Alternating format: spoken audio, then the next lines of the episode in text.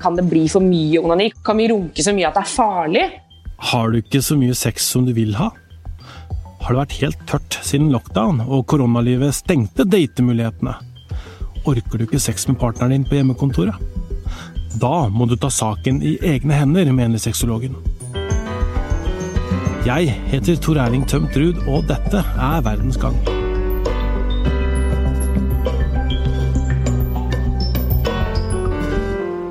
Myndighetene har ikke vært helt tydelige når det kommer til sex. Hva er greit, og hva er ikke? Hvis du er singel, så hadde du kanskje et helt greit dateliv før mars, og så blei alt stengt, og ikke har du fått gått ut og ikke møtt folk. Hvis du er singel, eh, så har vi jo plutselig fått ekte restriksjoner, og det har vi aldri, altså jeg har aldri opplevd det før. Å få eh, beskjed om at du ikke kan eh, ligge med andre.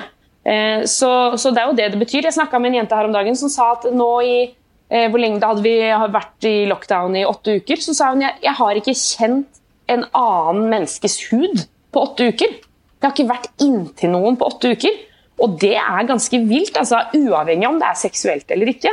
Så er det det å på en måte ikke, bare ikke kjenne noen andres varme, det, det er annerledes. Dette er eh, programleder i NRK, Tuva Fellmann. Du veit hun som gjør at vi voksne blir flaue når vi hører på P3, men som gjør en kjempejobb med å fortelle oss om sex og åpenhet rundt det som er vanskelig i programmet Juntafil. Ja. Tuva er også sexolog, så hun veit godt hva hun snakker om. Eh, jeg tror jo som alltid at det er litt viktig at man kjenner etter, og kjenner liksom hva er jeg selv keen på. Eh, fordi det er veldig mange som snakker om sex om dagen, og eh, sier at ja, i disse koronatider er det sånn og sånn og sånn.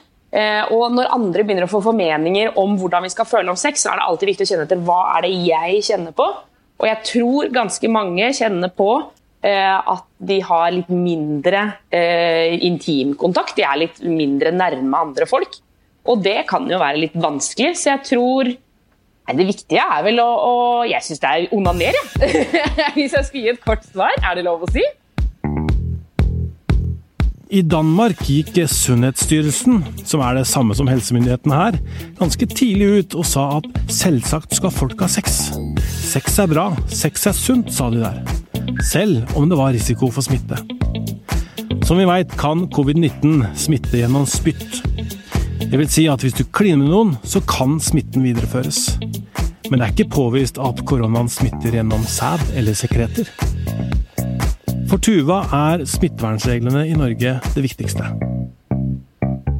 Vi må jo huske på at dette går over. Det syns jeg kanskje er det viktigste. At det, eh, hverdagen kommer til å komme tilbake, og vi må følge de smittevernreglene som, som vi har fått. Eh, men så er det jo også Jeg snakka med Bent Høie for ikke så lenge siden, hvor han sa at eh, Jeg spurte hva skal vi gjøre de som er single. Altså, vi får jo ikke ligge med noen. Og så sa han at uh, du kan ligge med noen, men du kan ikke ligge rundt. Så hvis du har muligheten til å ha en liggekompis, uh, så er det altså, gylne tider for det. Hvis du holder deg til den ene personen. Men det er klart at det er ikke nødvendigvis så lett. Så jeg tror det viktigste er å bare huske på at dette kommer til å gå over. Og vi opplever det alle sammen. Eh, selv, men, men allikevel, vi skal ikke undergrave de, den drittfølelsen som er. Altså. Det, det er kjipt å ikke få være inntil andre mennesker. Hvis det er sånn nå da, at eh, det er mindre sjekking og kanskje også mindre one night stands da, og, og, ligging rundt, hva tror du det vil føre til? Mm, nei, det kan jo bli mye dårlig stemning. sånn på overflaten så kan det jo Jeg vet jo mange, jeg snakker med mange, eh, særlig unge mennesker, som sier at de kan bli mugne hvis ikke de får ligge med noen, eller hvis ikke de får seksuell tilfredsstillelse. Eh, så det er jo en ting. Men så skal man jo heller eh, kan man jo også gå litt dypere inn i det. altså Når vi snakker om ensomhet og, og følelsen av å være alene i verden og det å ikke ha det intime med noen andre, kan jo også påvirke psyken vår, rett og slett. Eh, så det tror jeg absolutt kan være en virkning. At vi føler oss litt mer alene. Og Da kan vi kanskje da gå tilbake til dette med onani. da. Eh, hvordan spiller det inn? Nei, altså, fordi jeg tror uh, Det å onanere jeg mener jo at det er kjempeviktig. Altså, Vi må bare gjøre det klart og tydelig. Det er veldig lov å onanere. Det er sunt for deg, det er bra for kroppen, det er bra for psyken. Altså, Det er bare plusspoeng. Og Jeg får ofte det spørsmålet eh, fra andre hvor de sier sånn Men kan det bli for mye onani? Kan vi, kan vi runke så mye at det er farlig? Og Da pleier vi å si at eh, hvis, hvis, du begynner å avlyse andre avtaler, eh, og gjør det regelmessig fordi at du vil være hjemme og runke, eh, så da kan vi begynne å tenke at det kanskje er noe vanskelig der. Men frem til det så er det bare å liksom fyre på. Og, og, så tenker jeg også at, eh, og jeg bruker forresten ordet runke om alle kjønn. Jeg syns det er så innmari fint. jeg synes det er så lett og deilig å bruke. Eh, så derfor så gjør jeg det. Eh, men eh, jeg tror eh, det å eh, rett og slett ikke skamme seg for å ville onanere hvis du vil onanere mer nå, så er det viktig å tenke at det er helt greit. Da. Det er helt innafor å onanere. og det er innafor å onanere mer enn det du pleier å gjøre. I Sverige så ville de først ikke blande seg inn i folks sexliv. Det viktigste er at man er frisk, sa den assisterende statsepidemiologen, og la til at han ikke ville si noe om den enkeltes relasjoner. Han blei ganske flau av dette spørsmålet, som blei stilt av svensk fetere på en pressekonferanse. Seinere har svenskene tatt grep og blitt tydeligere. Svenskene har også kommet til at sex er sunt, og Anders Tegnell sa at i faste relasjoner er det ikke noe i veien for sex, men dating og tilfeldig sex kan være smitterisiko. Og du husker at Tuva snakka om onani i stad? Hun tror at det også er viktig for dem som bor sammen med noen. Absolutt, og der tror jeg det er mange som gjør en feil. Eh, det at man tenker at jeg er i et parforhold, så derfor så skal ikke jeg runke det tror jeg er en litt sånn Jeg skal ikke være for hard, men det kan fort bli en uting. Fordi det å ha sex med noen, eh, seksuelt samvær med en annen person, og det å onanere for seg selv, gir ikke nødvendigvis, tilfredsstiller ikke nødvendigvis de samme behovene. Det er, ja, det er mulig at du får en orgasme, og at du eh, får endorfiner og, og hele den liksom, kjemiske pakka. Men det å kunne onanere for seg selv er ganske viktig for veldig mange av oss. Eh, og det å på en måte, For det første så kan man jo eh, kanskje se for seg at noen leker mer med fantasi når de onanerer. Mens når man er med en partner, så kanskje man er mer opptatt av liksom selve situasjonen og det å være sammen med den andre. Men hvis du liksom sitter alene på badet og runker, så kan du på en måte skru på hjernen på en helt annen måte. Eh, og leve deg inn i, i fantasier. Så det å på en måte onanere selv om man er i et parforhold, tror jeg er viktig. Og det kan være litt sårt å oppleve at partneren din sier at hun eller han onanerer. Eh, men allikevel så tror jeg det må vi såpass large må vi på en måte være mot hverandre. da. Det er veldig innafor å runke selv om man har en kjæreste som man bor sammen med, f.eks. Ja, så kan det jo være at disse tidene gjør at man er litt bekymra og kanskje har det litt tungt med jobben osv., så, videre, så har man kanskje ikke så veldig stor sexlyst heller? Nei, så det, ikke sant? Så det er jo, eh, Sexlysten går jo, er jo som et hav, på en måte. Det pleier jeg å tenke på. Uh, altså, hvis du ser for deg et åpent hav, og så er det masse bølger, og så kommer det to båter, f.eks. Og noen ganger så klaffer de bølgene helt perfekt, ikke sant? hvor, bare, hvor, de synkroniseres i en sånn deilig bølge. Og andre ganger så blir det bare helt krasj. Noen av Den store bølgen treffer den lille bølgen og sluker den andre. ikke sant? Og Sånn er det med sexlystene også i partnerskap. At det er ikke nødvendigvis det samme. Eh, så det må vi også ha plass til. Og da er det liksom enda viktigere å si at ok, men hvis du er superkåt nå, eh, og jeg ikke er noe kåt, så da vær så god, kjør på. Liksom, runk og tenk på andre ting enn meg hvis du også vil det. da. Selv om jeg skjønner at det sitter litt langt inne på folk. Mm.